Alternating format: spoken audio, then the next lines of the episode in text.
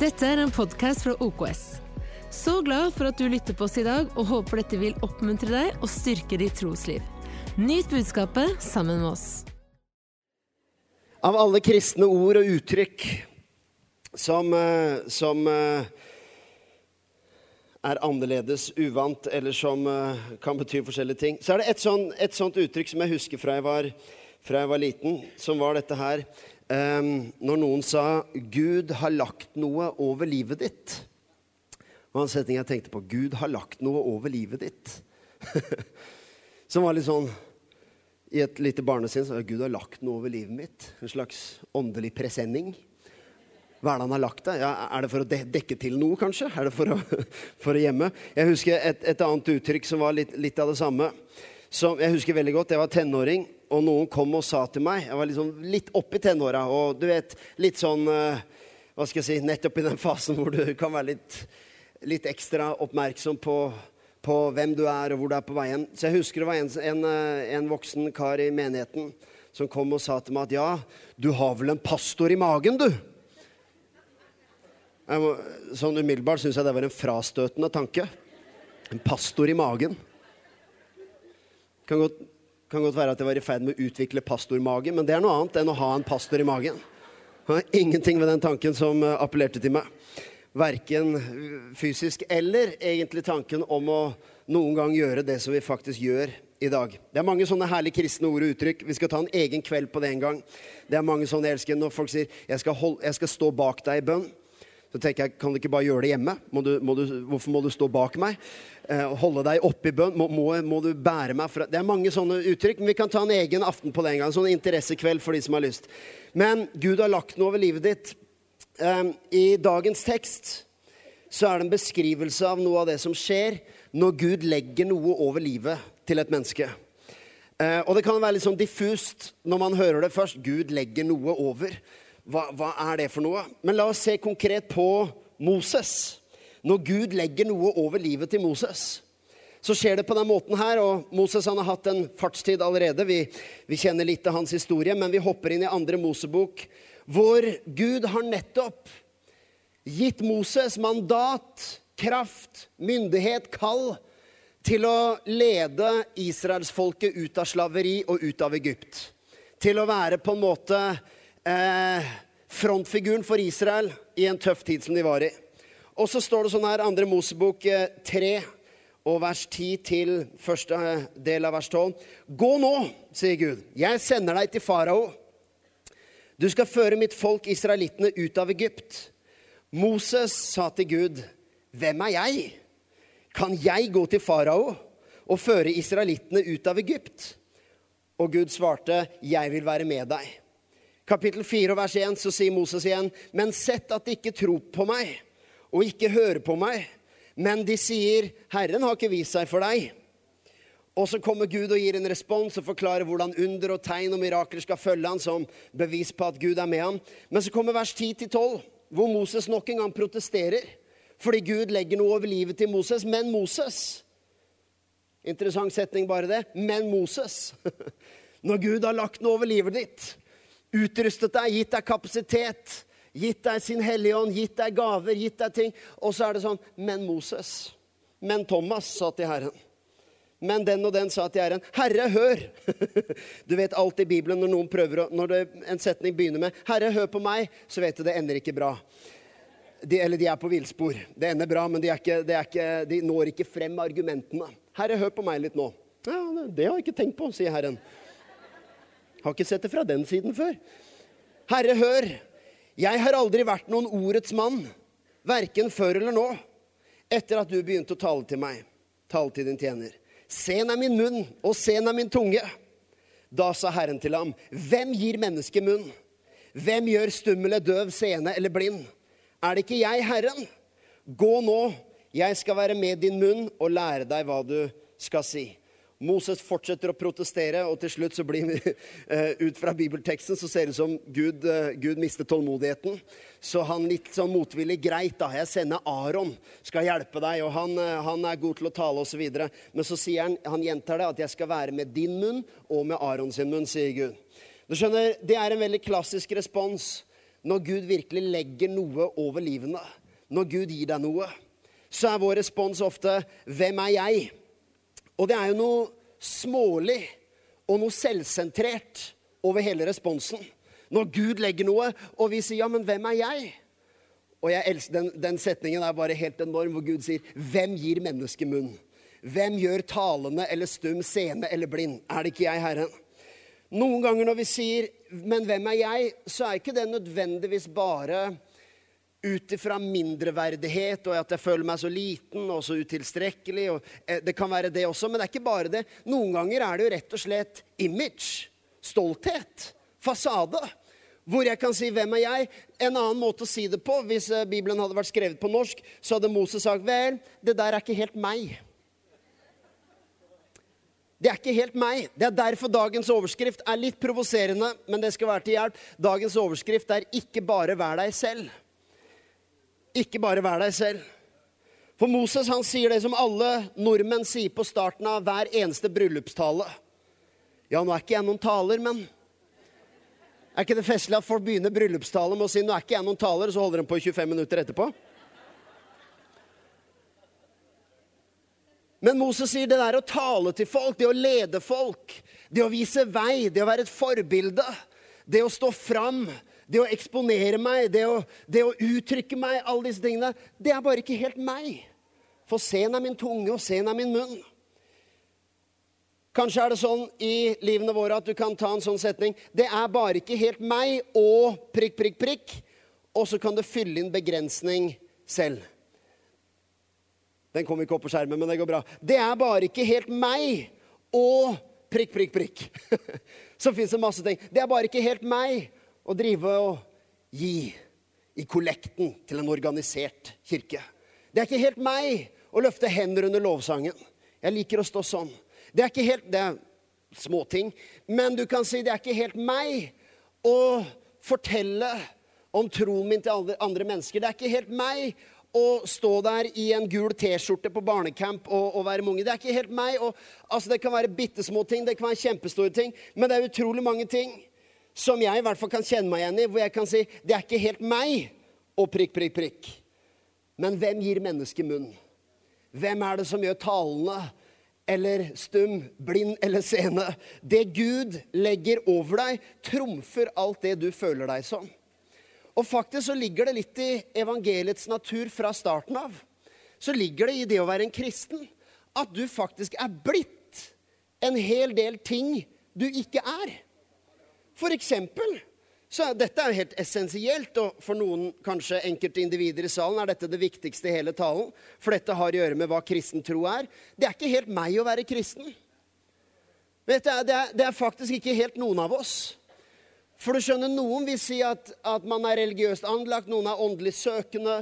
Noen liker liksom eh, å utforske det åndelige. Kanskje du er sjaman og syns sånne ting er spennende. Eh, engler Det kan være mange, masse, masse spennende der. Eller du kan si at det er bare ikke helt meg. Jeg tror på det rasjonelle, jeg tror på det jeg kan se, jeg tror på det jeg kan få dokumentert. Det er ikke helt meg. Og vet du hva sannheten er? At det er ingen av oss å være en kristen. Det er derfor Gud gjennom sin sønn ga oss sitt liv. For ingen av oss kan leve kristenlivet og kan si at jo, det er skikkelig meg å være en disippel. Nei, det er ingen av oss. Det er derfor vi var diskvalifisert ut fra våre egne gjerninger, våre egne prestasjoner, vår egen moral, vår egen tilstrekkelighet, som all annen religion prøver å påføre mennesker, er at du må nå opp hit, så kan du være denne kategorien. Så hvis du gjør sånn, kan det være det. Hvis du mediterer nok, så kan du nå nirvana. Hvis du holder disse budene, hvis du holder fasen, så kan du bli sånn og sånn. Mens evangeliet sier at 'jeg ble alt dette for dere'.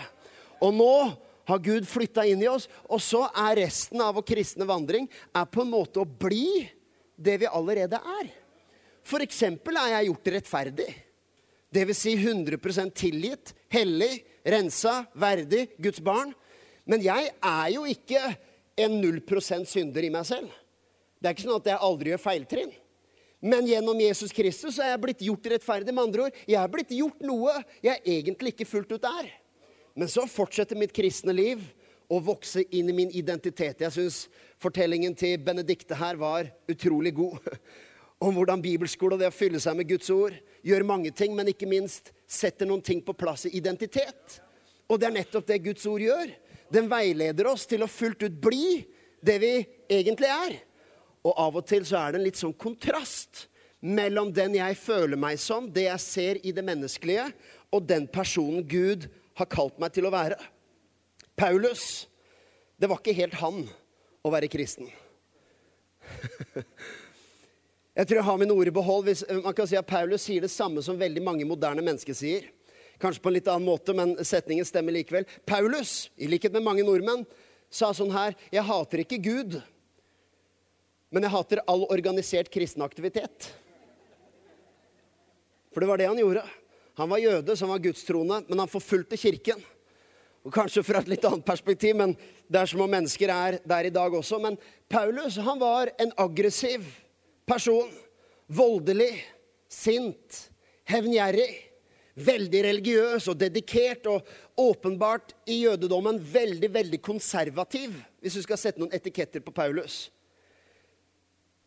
Det var definitivt ikke helt han å bli forfatter av halve Nytestamentet. Det var definitivt ikke helt Paulus å være den som skulle bringe evangeliet til hedningene, ikke-jødene som skulle være den som skulle stå og si i denne kulturen at her er ikke mann og kvinne, jøde, greker, trell eller fri, men vi er ett i Jesus Kristus.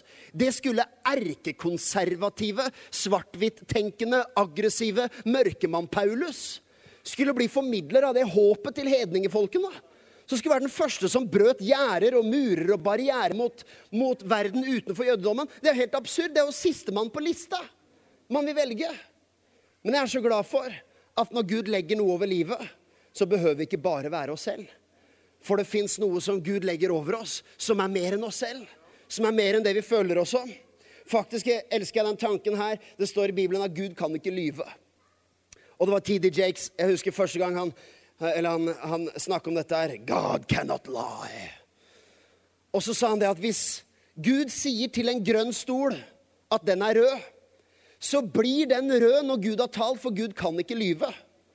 Og når Gud sier til en synder 'du er rettferdig', så blir den personen rettferdig, for Gud kan ikke lyve.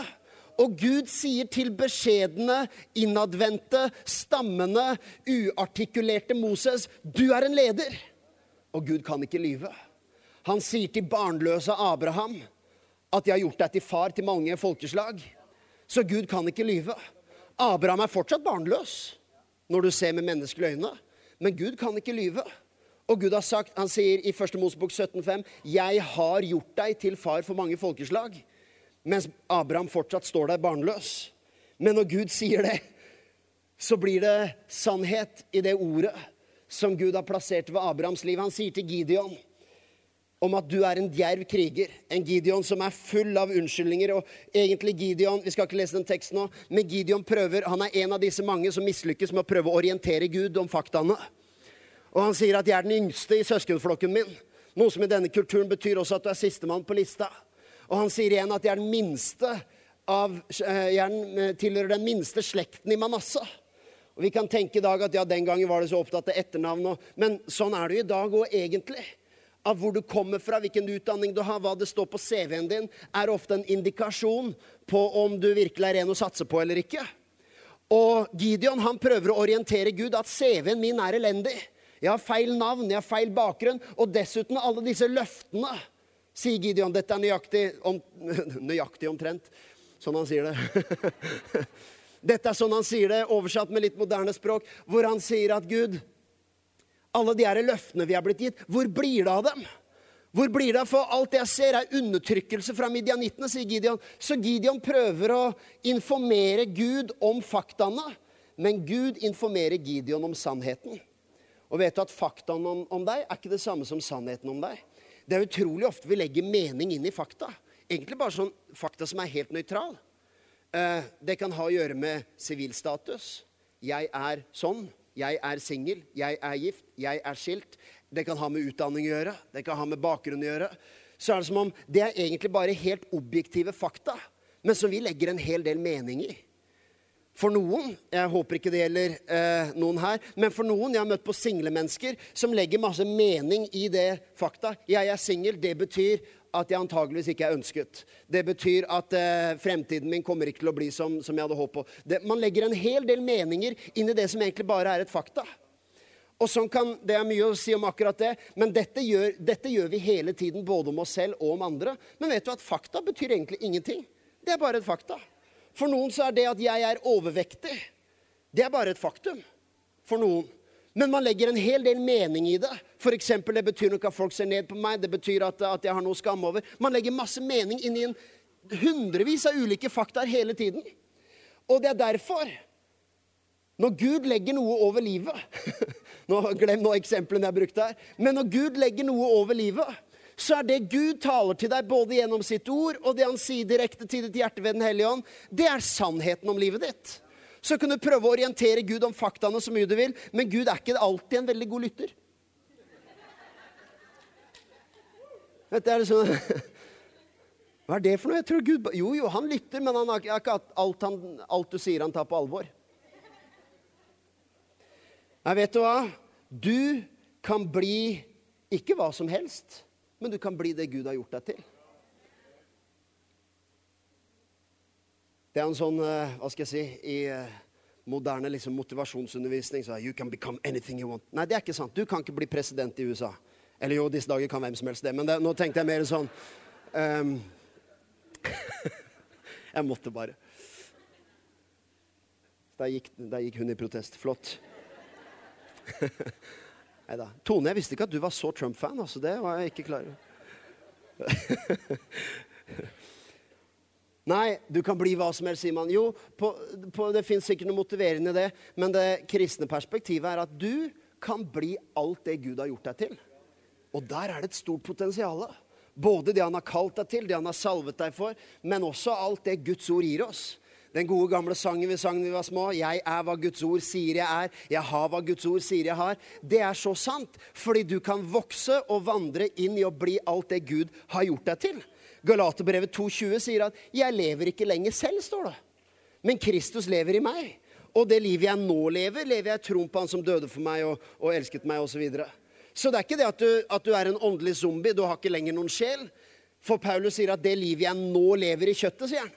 Men han begynner med å si 'Jeg lever ikke lenger bare selv', men Kristus lever i meg. Det er derfor jeg sier 'ikke bare vær deg selv'. Det er på en måte noe av det mest provoserende du kan si i 2019. Ikke bare vær deg selv. Og jeg syns det er underlig hvordan vi gjør dette å være seg selv i vår kultur eh, til noe merkelig greie. Vi gjør nesten det til en religion å være seg selv. Og man er veldig opptatt i vår kultur kanskje du ikke har merka det engang, man er veldig opptatt i vår kultur av å være ekte, autentisk. Det man mener med det, for det er fint å være autentisk, men det man mener, er at du må leve ut det du føler. For hvis du føler noe, så er det sant for deg. Jeg kan ikke fatte og begripe logikken i det. Hvis noe begynner som en løgn et eller annet sted, så er det ikke sånn at den er blitt til sannhet bare fordi den kom innom min sjel på veien. Det er fortsatt en løgn. Saken er at det som kommer innifra, har jo sin rot i noe utenfra. Så det er veldig mange tanker du har som kan føles ekte, men som er planta der enten gjennom kultur, barndom, oppvekst, omgivelser, selvsnakk. Det er masse ting som har påvirka det som du føler i dag. Men bare det at du føler det i dag, gjør ikke den tanken noe mer ekte. Hvis det begynte som en løgn, så er det fortsatt en løgn. Men det Gud sier, det er sant. Det er derfor vi må erstatte tankene som, bare, som er planta der av omgivelser og av uh, døde ting, og bytte ut de tankene og fornye sinnet, som de gjør gjennom et bibelskoleår, med det som er av Gud, og det som er sant. Det er litt sånn her med uh, brukte eksempler på påskespesial òg. Hvis jeg tar et, uh, et stykke kjøtt og legger i fryseren Så du har vært og handla på Svinesund og kjøpt fleskfilet til 99 kroner så legger du det i fryseren. Så tar du det ut av fryseren etter noen dager. Og så hvis du åpner kjøttet, så er det nesten som om det kommer frostrøyk ut. ikke sant? Det er kaldt. Det kommer kulde fra innsiden av kjøttet. Men det er ikke sånn at det kjøttet øh, produserte kulde. Nei, det er kaldt pga. omgivelsene du plasserte det i. Pga. kjøleelementene, og den var der lenge nok, så kommer det kulde innenfra kjøttet. På samme måte hvis du legger kjøttet inn i steikeovnen og du tar det ut etter en stund, så kommer det varme innenfra kjøttet. Men det er ikke kjøttet som har produsert varmen, det er omgivelsene, steikeovnen, varmeelementene den har ligget i. Sånn er det også med vårt følelsesliv og våre tanker. Jeg forenkler det kanskje litt, men det er ikke sånn at alt det du føler, er ekte. For det er ikke du som har produsert det nødvendigvis. Det har å gjøre med hvilke omgivelser du har eksponert deg for. Hvilke stemmer du har lytta til, hvilke innflytelser og påvirkninger som har prega deg. Så er det sånn at det, akkurat som med kjøttet, så gjennomtrenger det og gjør deg gjennomstekt. Men du skjønner, når vi da åpner opp hjertet, og vi åpner opp mine følelser, så kan det komme ut en hel del masse ting som der og da føles ekte, men som er en konsekvens av hva jeg har eksponert meg for. Det er derfor sinnets fornyelse er å eksponere seg for sannhet. Eksponere seg for Guds ord. Til det steiker gjennom hjertet. Til du ikke lenger bare er deg selv, men du er alt det Gud har lagt over livet ditt. Og hvis du lurer på har jeg egentlig noe sånt? Ja, det er veldig enkelt. Første Peters brev 4.10 står det egentlig. Det står 5.10 på skjermen, men det er 4.10. Ettersom enhver har fått en nådegave. Der er den saken løst. Ettersom enhver har fått en nådegave, så tjen hverandre med den. Det er lett å tenke ja, Moses fikk noe spesielt over livet sitt. Åge Åleskjær han fikk noe spesielt over livet sitt. Brian Houston han fikk noe spesielt over livet sitt. Men her står det 'ettersom enhver har fått en nådegave'. Så enkelt. Trenger ikke kommentere så veldig mye mer enn det. I tillegg til at du har fått en nådegave som er for deg, så har du også alt det som du er i Jesus Kristus, som gjør at du ikke bare skal være deg selv hele tiden. La meg hjelpe deg litt med å forstå det. Noe av det Gud har lagt over livet, er selvfølgelig noe som matcher din personlighet. Det er sånn at Gud brukte Paulus, f.eks. Um, en som var velformulert. Han var dyktig til å skrive. Og han var dyktig til å formulere, og han var kunnskapsrik. Og det gjorde han i stand til å skrive de brevene han gjorde. Så man kan si at deler av Paulus var det som om Gud snudde opp ned. Han tok all aggresjonen, alt sinnet, all det her antipatien mot de kristne, og vendte om til kjærlighet denne bokstankegangen og den ekstremt konservative Paulus, så tar Gud og legger noe over livet hans som gjør at han får lyst til å bre ut til alle slags mennesketyper, alle folkeslag, begge kjønn osv. Så, så det er en radikal endring i Paulus' sin personlighet. Men det er noe Gud også bruker i det han kan, og den han er. Så det å være en kristen det er ikke å undertrykke liksom fullt og helt at nå er du ugjenkjennelig.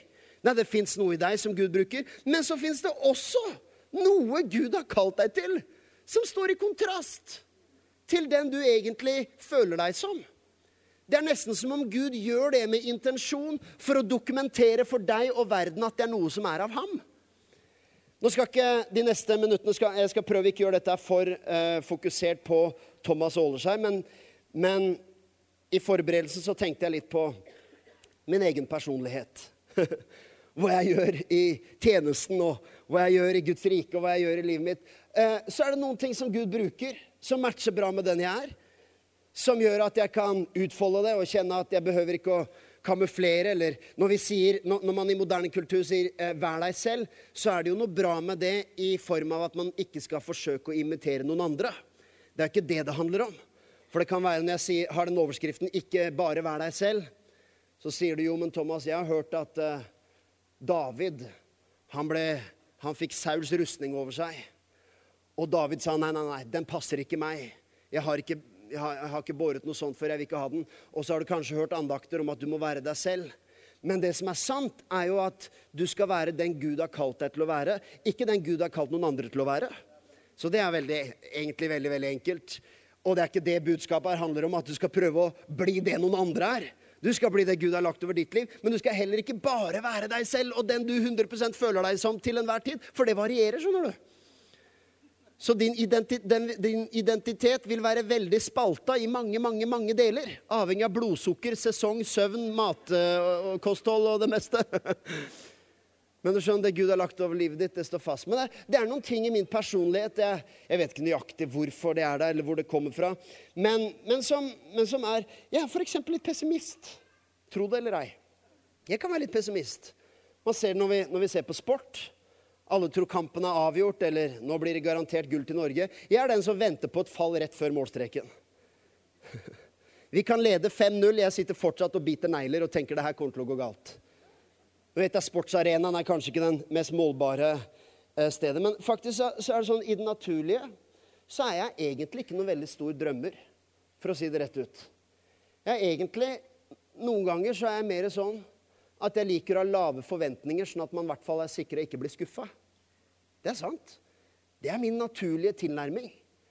Men, og jeg, jeg, og jeg håper poenget du skal forstå, her, er ikke at det er noe så veldig unikt med meg, men at du skal kunne plassere deg selv i dette òg. For det som jeg kan vitne og si, er at pga. det som Gud i sin nåde, på tross av meg og ikke pga. meg, har lagt over livet, så kjenner jeg en stadig sterkere og større og grenseløs tro på at alt er mulig.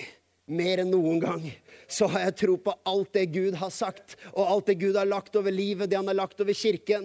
Og vi ser glimt av det, og vi ser tendenser av det, og vi ser trender av det. Men vet du hva? Jeg kjenner at håper å si, de neste årene jeg har aldri vært så skamløs i forhold til å forkynne tro til mennesker.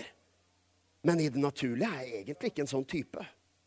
Jeg er ikke en sånn dream big guy. Nei, jeg er så glad for at Gud måtte legge det over livet mitt. For å bare dokumentere at det er han. Vet du hva, en annen ting? Dette, nå skal jeg by litt med meg sjøl. En ting som jeg ikke liker, er å be folk om tjenester. Det er helt sant. Jeg hater å be folk om tjenester. Eh, da ble jeg, jeg kan nesten bli sånn overtakknemlig og tusen tusen, jeg kan si takk liksom ti ganger. Og de bare «Hm, Ta det rolig. Det går bra. ikke så big deal. eh, men jeg liker ikke å be folk om tjenester. Man kan jo si på en måte at dette er egentlig helt feil yrke med liksom hundrevis av frivillige medarbeidere og stab og ledere, og stort sett hele uka mi går med på å be folk om tjenester. ikke be folk om tjenester, men, men uh, motivere mennesker til hva de skal gjøre. Men da jeg var tenåring, så var min største frykt i, i forhold til venner og tenåringsmiljøet så, og, og, jeg hadde gode venner. Det var, ikke, det, var, det var, tider som var veldig tøffe, men jeg hadde også gode venner. Men det var én ting jeg var veldig redd for. Det var, bli, det var å bli oppfatta som innpåsliten. Det var det siste jeg ville. Det var derfor jeg veldig sjelden tok initiativ sjøl. Jeg venta på at andre skulle invitere meg, for jeg vil ikke oppfattes som innpåsliten. Ingen skal si at Thomas prøver å trenge seg på. Av og til når du savner litt initiativ fra mennesker rundt deg, og du dømmer dem og tenker at hvorfor tar de aldri kontakt kanskje, det, kanskje hadde de noe av det samme som jeg egentlig har. Egentlig en frykt for å trenge meg på noen. Jeg vil være helt sikker på at det er 100 ønska, og det er ikke noen konstruktiv tanke, men det er egentlig sånne ting som ligger i mitt naturlige menneske. Men jeg er så glad for at for det første, uavhengig av hva Gud har kalt meg til, uavhengig av hvem jeg er som pastor, så vet jeg at i Jesus Kristus er noe av det mest ydmyke du kan gjøre, er å være frimodig. Og noen ganger er det mest, hva skal jeg si, den mest lydige handlingen mot Gud er ikke å bøye seg ned i støv og gjemme seg. Det er å ta et steg ut i frimodighet i alt det Gud har kalt deg til å være. Og jeg er så glad for at jeg ha full frimodighet på noen ting. Jeg har også i min personlighet en liten porsjon. Å, nå får du hele pakka her, altså. Nå kjenner jeg må drikke litt vann her. Mm. Jeg har i meg en porsjon kynisme. Jeg liker egentlig ikke å passe inn i systemer. Jeg liker frihet, selvstendighet og fleksibilitet. Men jeg tror ikke vi har vært borte fra én søndagsgudstjeneste så lenge jeg kan huske kanskje et par sommerferier hvis vi har vært uh, ute på reise. Jeg tror jeg har gitt fast månedlig gave uten unntak hver måned siden jeg ble myndig. Men jeg liker ikke systemer. Men vet du hva? Når Gud viser deg noe, når noe er en åpenbaring, så kjenner jeg, vet du hva, jeg skal ikke bare være meg selv, jeg skal være alt det Gud har kalt meg til. Hvorfor leve i den smålige, selvopptattige begrensningen at det er ikke helt meg å gjøre sånn? Du må gjøre sånn når du sier det, ellers På Grand Prix i går ute, blir litt men det er fantastisk at alt det Gud betror oss med, er på tross av meg, ikke på grunn av meg. Vet du at jeg Dette visste du sikkert. Jeg er egentlig litt introvert. Står på en scene og, og egentlig er veldig mye med mennesker. Og det at du er introvert, betyr ikke at du ikke er glad i folk. Betyr ikke at du ikke liker engang å være eh, hva skal jeg si, folkelig, utadvendt. Og jeg, jeg elsker det også. Men samtidig så er det sånn av og til med det introverte at, at du kan, når batteriet er tomt, så får du ny energi av å være alene. I motsetning til ekstroverte, som av og til får energi av å være sammen med andre. På 17. mai så kjente jeg batteriet nærma seg. Rødt felt. Det var veldig hyggelig. Det er ikke det. Så faktisk så eh, Så var vi på forestilling her med skolen, og vi sang eh, den herre 'Barn av regnbuen'. Er det ikke den heter? Den tittelen? En himmel full av stjerner. Så mens jeg satt på do, så lagde jeg en egen tekst. Når den svira. Sånn jeg skrev den mens jeg var på do. Jeg måtte gjemme meg litt. Et lokale fullt av mennesker, folk så langt du ser. Drømmer om ensomhet, kan du ønske mer? Men sammen vil de prate om alt mulig her på jord. Være tilgjengelig for en prat som bror. Noen tror visst at det nytter å bare bruke tiden vår på prat. Noen tror visst vi kan leve av ustanselig fellesskap. Jeg vil gjemme meg på dassen. Noen minutter uten folk. En stund på egen hånd. Helt uten smalltalk. Et lokale fullt av mennesker Sånn, den skrev jeg på do. Det var Irene som starta her. oi, oi, oi. Hvor skal vi lande henne her nå, da? Og jeg, jeg, jeg ville formidle det her ikke, ikke for at uh, jeg skulle så veldig gjerne bringe fokus på, på meg, men, men, kanskje det kan være til hjelp for noen også. Å forstå at vi er så raske med å kategorisere oss også, spesielt i det åndelige. Spesielt når det kommer til ting som har med Gud å gjøre som har med vårt kall og vår hensikt, så tenker vi jeg kan ikke prikk, prikk, prikk, for det er ikke helt meg å være sånn. Men vet du hva? Hvem gir mennesket munn? Hvem gir, gjør mennesket seende, blind, stum eller talende?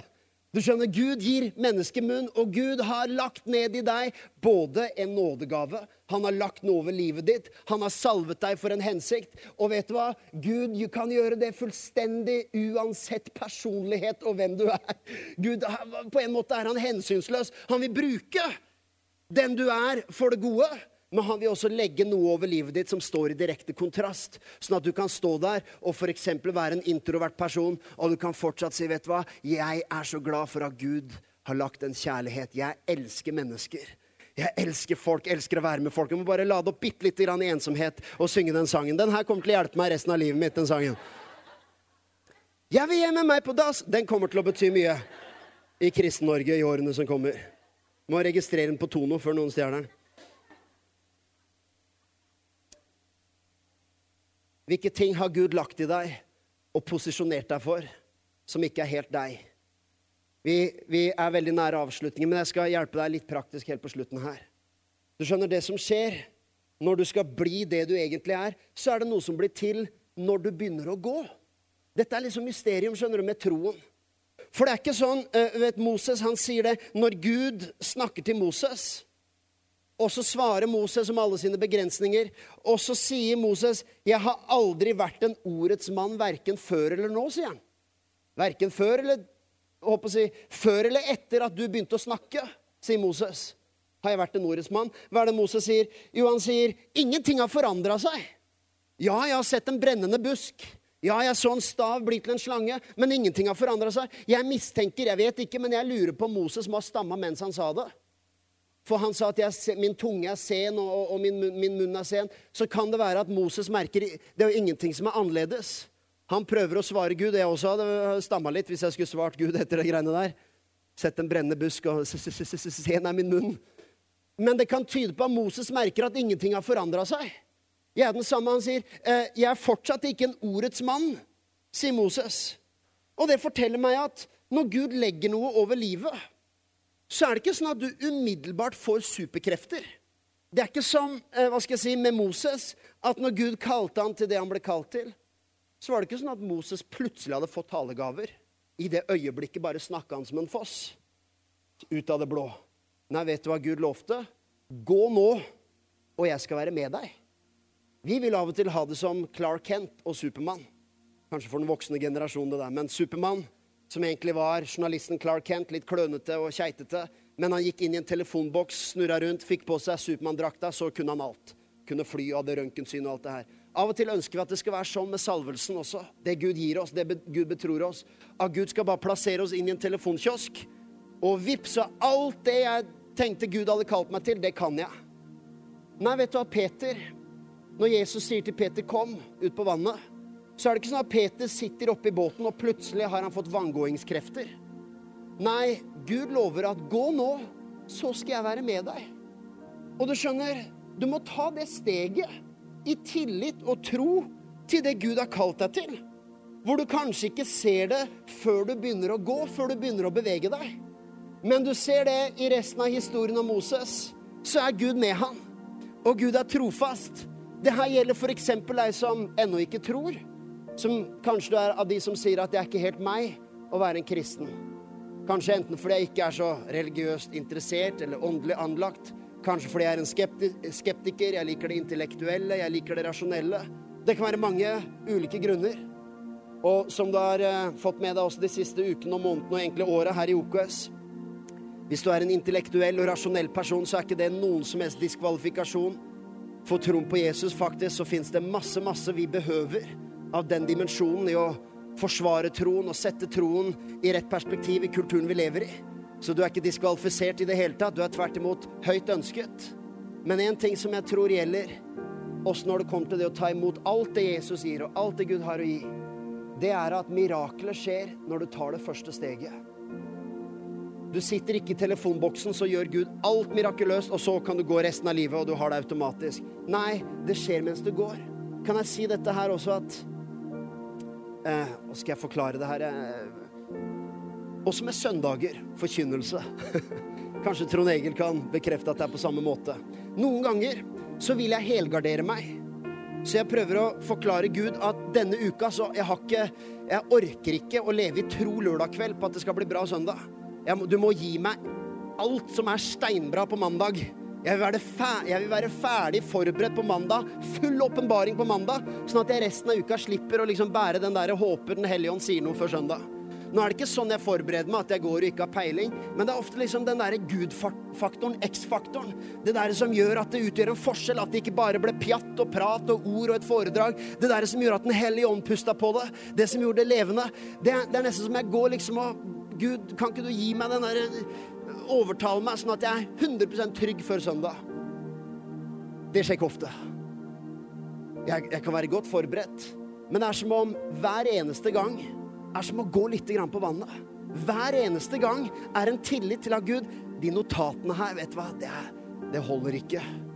Men vet du hva, Hellige Ånd, hvis du gjør ditt ord levende, hvis du kan snakke til hjertene hvis du kan bruke Jeg vet at å si, med meg og min personlighet og alt jeg har, så vet jeg ikke om, om dette vil utgjøre noe forskjell på folk. Men Helligånd, hvis du dukker opp, hvis du er der, så skal jeg gå, så skal jeg bevege meg, så skal jeg ta sjansen, så skal vi tale tro, så skal jeg oppmuntre, og så skal Helligånd stille opp og bekrefte sitt ord. Og det er forbløffende hvor god han er.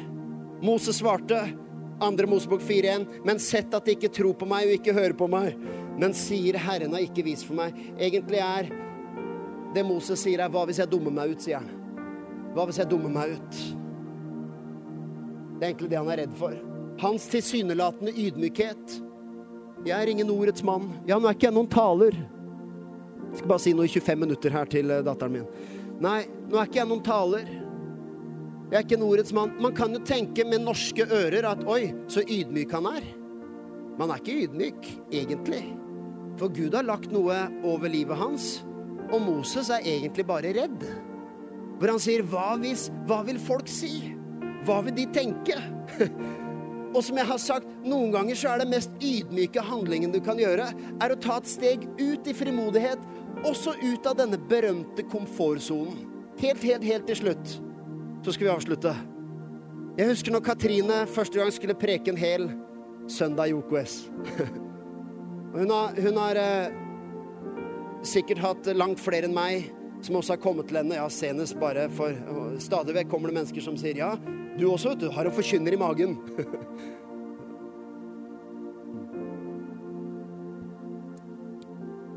Og det kan godt være sant. Men Katrine er også en av de Skal ikke jeg tale fullt ut på vegne av henne, men hun har også tenkt liksom jo, men det er ikke helt meg. Jeg kan veldig mye annet, og det kan hun. Og kanskje det ikke nødvendigvis er det hun er, har vært tidligere 100% mest komfortabel med. Men jeg husker den søndagen når hun skulle tale her en søndag formiddag. Vi hadde en deal. Det var fire gudstjenester. City, Grorud ja, altså Romerike, City, Grorud, også tilbake på Romerike. Så vi hadde en deal med at du preker første møte. Hvis du syns det går bra, så kan du ta neste også. Og så er jeg klar når som helst på dagen som jeg må ta resten, så stepper jeg inn. Så hun tok første møte, og det var veldig bra. Men samtidig så kunne du merke at hun liksom Det var å kanskje gå litt ut av komfortsonen, bevegde seg litt på vannet. Men godt nok til at uh, vi satt i bilen, og hun sa 'jeg tar neste også'. Og så tok hun neste.